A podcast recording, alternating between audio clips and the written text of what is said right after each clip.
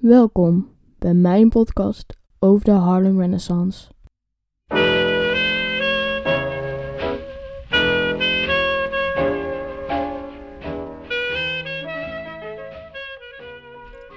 Ik ben Marit Schoofs.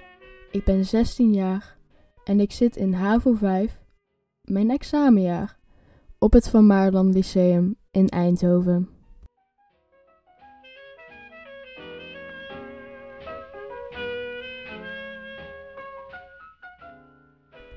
Ik zit dus in mijn examenjaar. En bij een examenjaar hoort een profielwerkstuk. Ik maak deze podcast als onderdeel van mijn profielwerkstuk. Mijn profielwerkstuk gaat dus over de Harlem Renaissance. En ik heb hierbij ook een hoofdvraag. Nou, mijn hoofdvraag is dus: welke invloed had de Harlem Renaissance op de muziek in en rondom Harlem tussen de jaren 30 en 40 van de vorige eeuw? Nou, dat is wel echt een mondvol. Zodat ik dit makkelijker kon onderzoeken, heb ik het in vier deelvragen verdeeld. Nou, de eerste is: wat was de Harlem Renaissance? Want dan moet je eigenlijk wel echt weten, zodat je dit hele onderzoek kan snappen. Ehm, daarna ga ik verder met mijn tweede deelvraag. Die gaat over hoe de muziek eruit zag voor de Harlem Renaissance. En dan de derde deelvraag gaat over hoe het ontwikkelde tijdens de Harlem Renaissance. En dan de laatste is dus hoe het eruit zag na de Harlem Renaissance. En zo kan ik dus zien wat de invloed was geweest van deze Harlem Renaissance. Maar voordat ik zelf dit onderzoek ga uitleggen, heb ik eerst nog een interview met Philippe Grevers.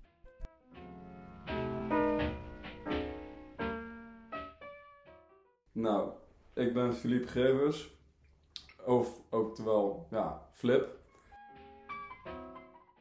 Waarom dacht je dan dat dit bij mij zou passen? Waarom had je mij dit aanbevolen? Uh, in eerste instantie weet ik dat je nog op zoek was naar een goed onderwerp voor je profielwerkstuk. Mhm. En toen zei je tegen mij over welke vakken het ging. Nou, en als je dan kijkt ook naar de afgelopen paar jaar, wat er allemaal is gebeurd en zo. Zeker omtrent, eh, niet alleen om muziek, maar ook gewoon eh, Cultureel. cultureel. Zeker, zeker als je kijkt naar dit onderwerp. Mhm. was het een, dacht ik dat het op zich wel vet was. De, een hele rijke geschiedenis ehm, aan muziek komt daar vandaan.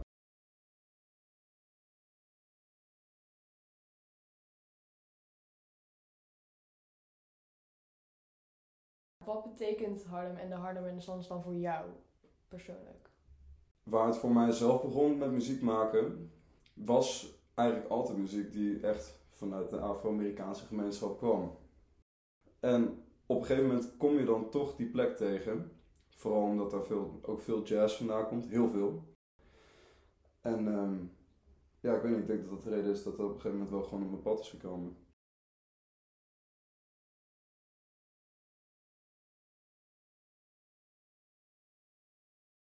Nou, dan heb ik nog één laatste vraag. Of jij muziek, ja, een stuk of een liedje kan aanbevelen dat ik in de podcast kan laten luisteren? Oh, wauw. Ehm, ja. Eén in de zin van Charles Bradley. I tried to be a righteous man. I try to give love all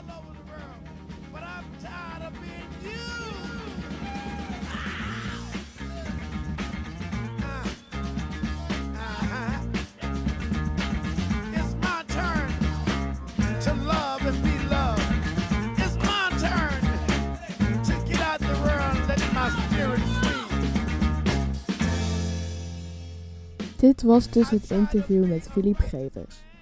Nu dat jullie dus weten hoe ik aan dit onderwerp ben gekomen, kan ik verder met het onderzoek.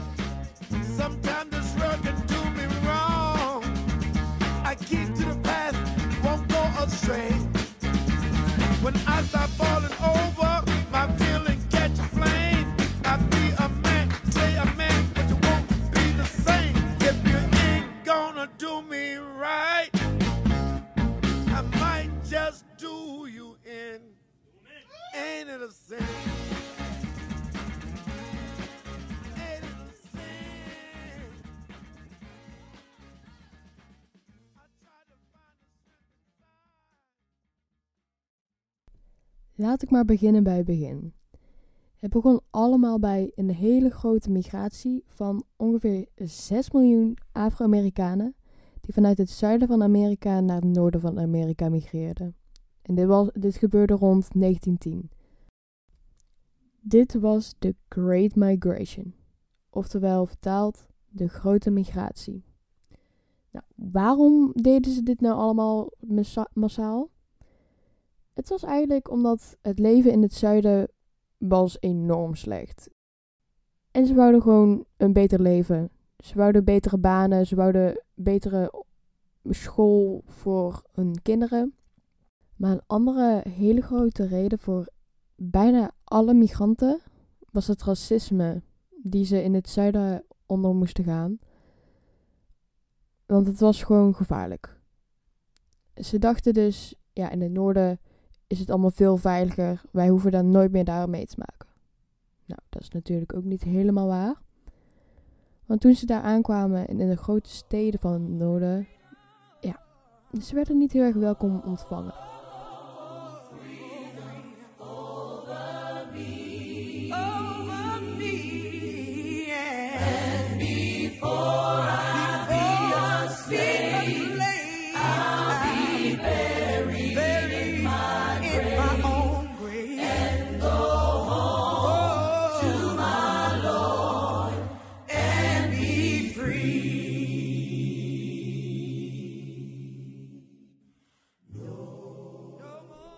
We zoomen in op New York, met name een wijkje in New York genaamd Harlem.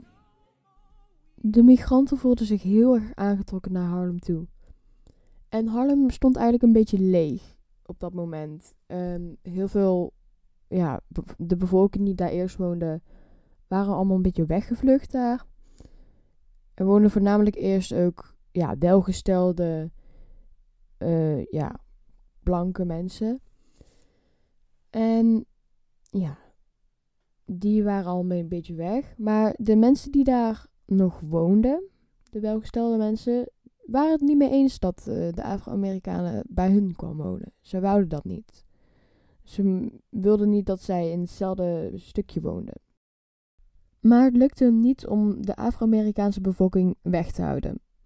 In plaats daarvan vluchtte juist de overgebleven blanke bevolking weg uit Harlem. Er was nog steeds heel veel racisme en discriminatie die ze mee moesten maken. En op een gegeven moment waren ze er klaar mee. Zo ontstond er een nieuwe beweging die opkwam voor de rechten en gelijkheid voor de Afro-Amerikaanse bevolking. Deze beweging heette de New Negro-beweging. En hieruit ontstond ook de Harlem Renaissance.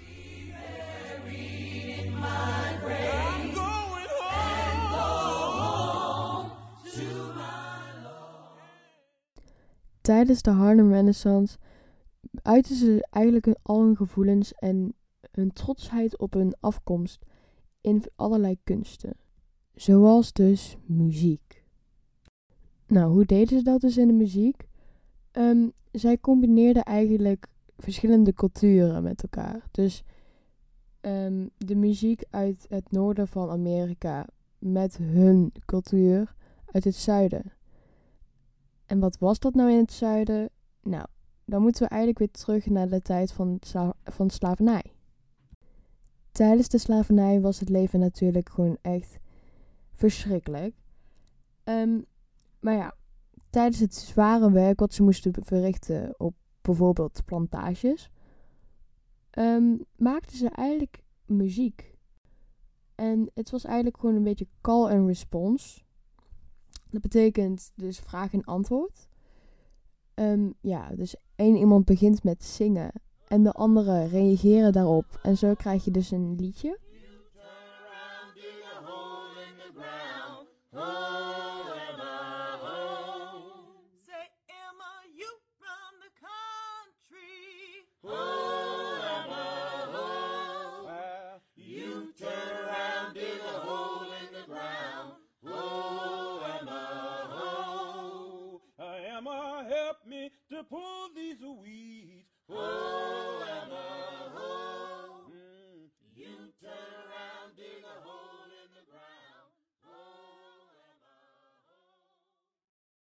En dit is dus een vorm van blues.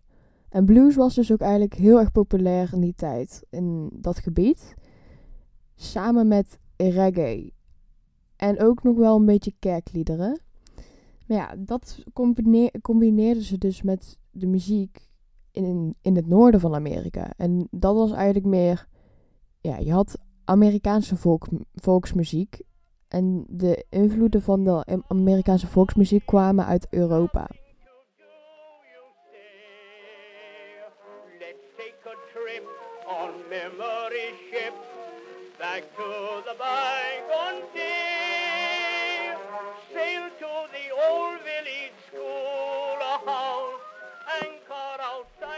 Nou ja, dus dat was dus voor de Harlem Renaissance. Zo zag dus toen de muziek eruit. Tijdens de Harlem Renaissance combineerden ze dat dus. En hieruit kwam dus een hele nieuwe muziekstijl. En dat was jazz. Nou, jazz kennen wij vandaag de dag nog steeds heel erg. Meer dan dat je denkt. Ehm, ja, dat kwam dus op in de Harlem Renaissance. En jazz komt eigenlijk oorspronkelijk uit New Orleans. Daar wa- kwam de eerste versie van jazz. Maar ja, je krijgt veel meer soorten jazz. Allemaal net iets anders. En het werd zo groot. En in Harlem had je dus ook een bepaalde ja, nachtclub. En daar bloeide jazz ook helemaal op. En deze nachtclub was dus de Cotton Club.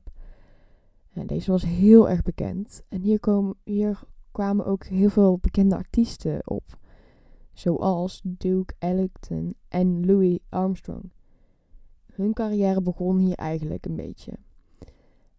En ja, het bloeide en het bloeide en het werd alsmaar groter.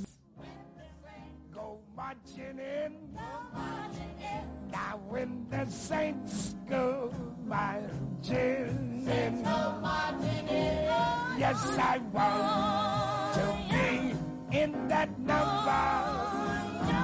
I when the saints go marching in. Sing it again. Now when the saints marching in. Now when the saints go marching in, yes, I want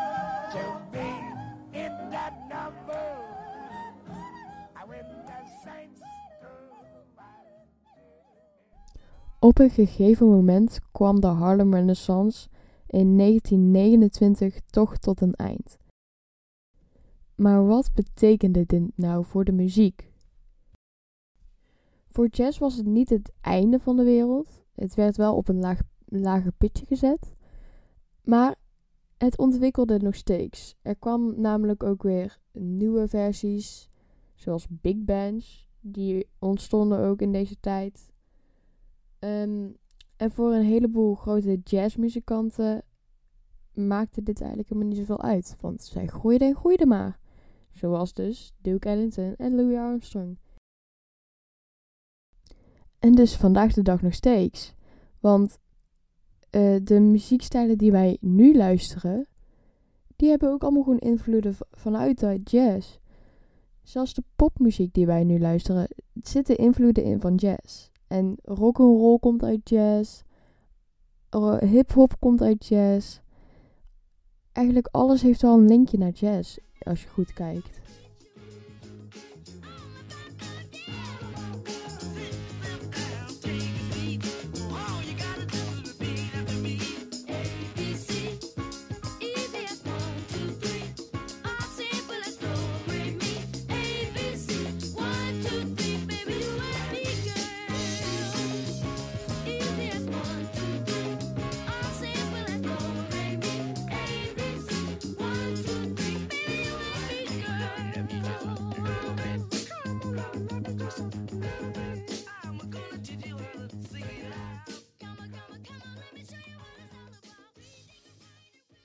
Nou ja, dit was dus eigenlijk kort mijn onderzoek. Nu heb ik nog een laatste interview en dit is met Vincent Jansen. Ik ga met hem nog verder praten over dit onderzoek. Dus laten we maar even luisteren.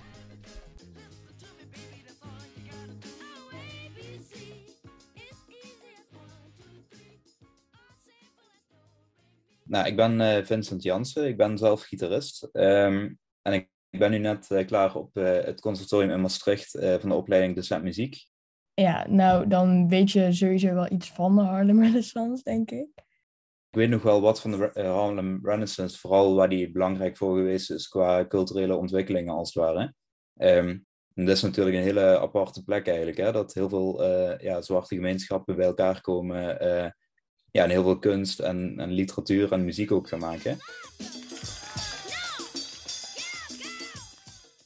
En ehm, ja, hoe denk jij dat het dan invloed heeft gehad op de muziekindustrie in de jaren daarna? eigenlijk het, het hele idee van die Harlem Renaissance, als je kijkt naar de muziek, hè. Ehm, het waren eigenlijk, eh, kijk, tegenwoordig heb je eh, muziek die wordt geschreven en, en dat wordt helemaal uitgearrangeerd en zo. Terwijl in die Harlem Renaissance, eh, de manier hoe daar muziek gemaakt werd, was, je had wel bepaalde liedjes die gespeeld werden. En de meeste muzikanten die, die konden liedjes, maar de manier hoe daar gespeeld werd, was gewoon eh, meer op een soort van jam-basis. Dus ik denk dat vooral ook zo'n, eh, bijvoorbeeld zo'n Duke Ellington, om, om maar één van de vele te noemen, ehm, dat hij wel eh, best wel grote stappen gemaakt heeft naar dat ontwikkelen van die popmuziek. ehm, ja, om dat echt een beetje uit te arrangeren, als het ware. Dan heb ik ook nog eh, een vraag. Hoe heeft de Harlem Renaissance jou beïnvloed? Eh, indirect heel erg. Ik speel bijvoorbeeld zelf eh, heel veel gypsy jazz.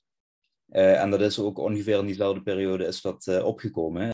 En het kwam eigenlijk door Django Reinhardt, dat is een gitarist. Die, die muziek, wat Django Reinhardt vervolgens gemaakt heeft, daar ben ik zelf heel erg ja, door geïnspireerd, zeg maar.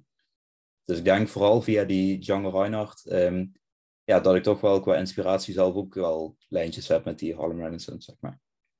Als je wilt, kan ik wel een, ehm, even een stukje opnemen.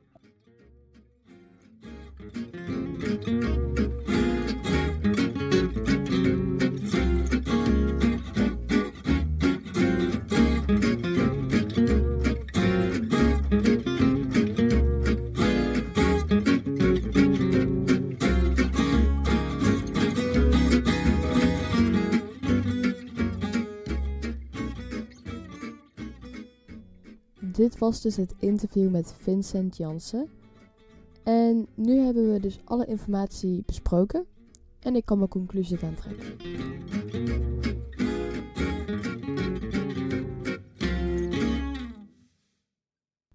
Nou, de Harlem Renaissance had dus echt wel een hele grote invloed op de muziekindustrie.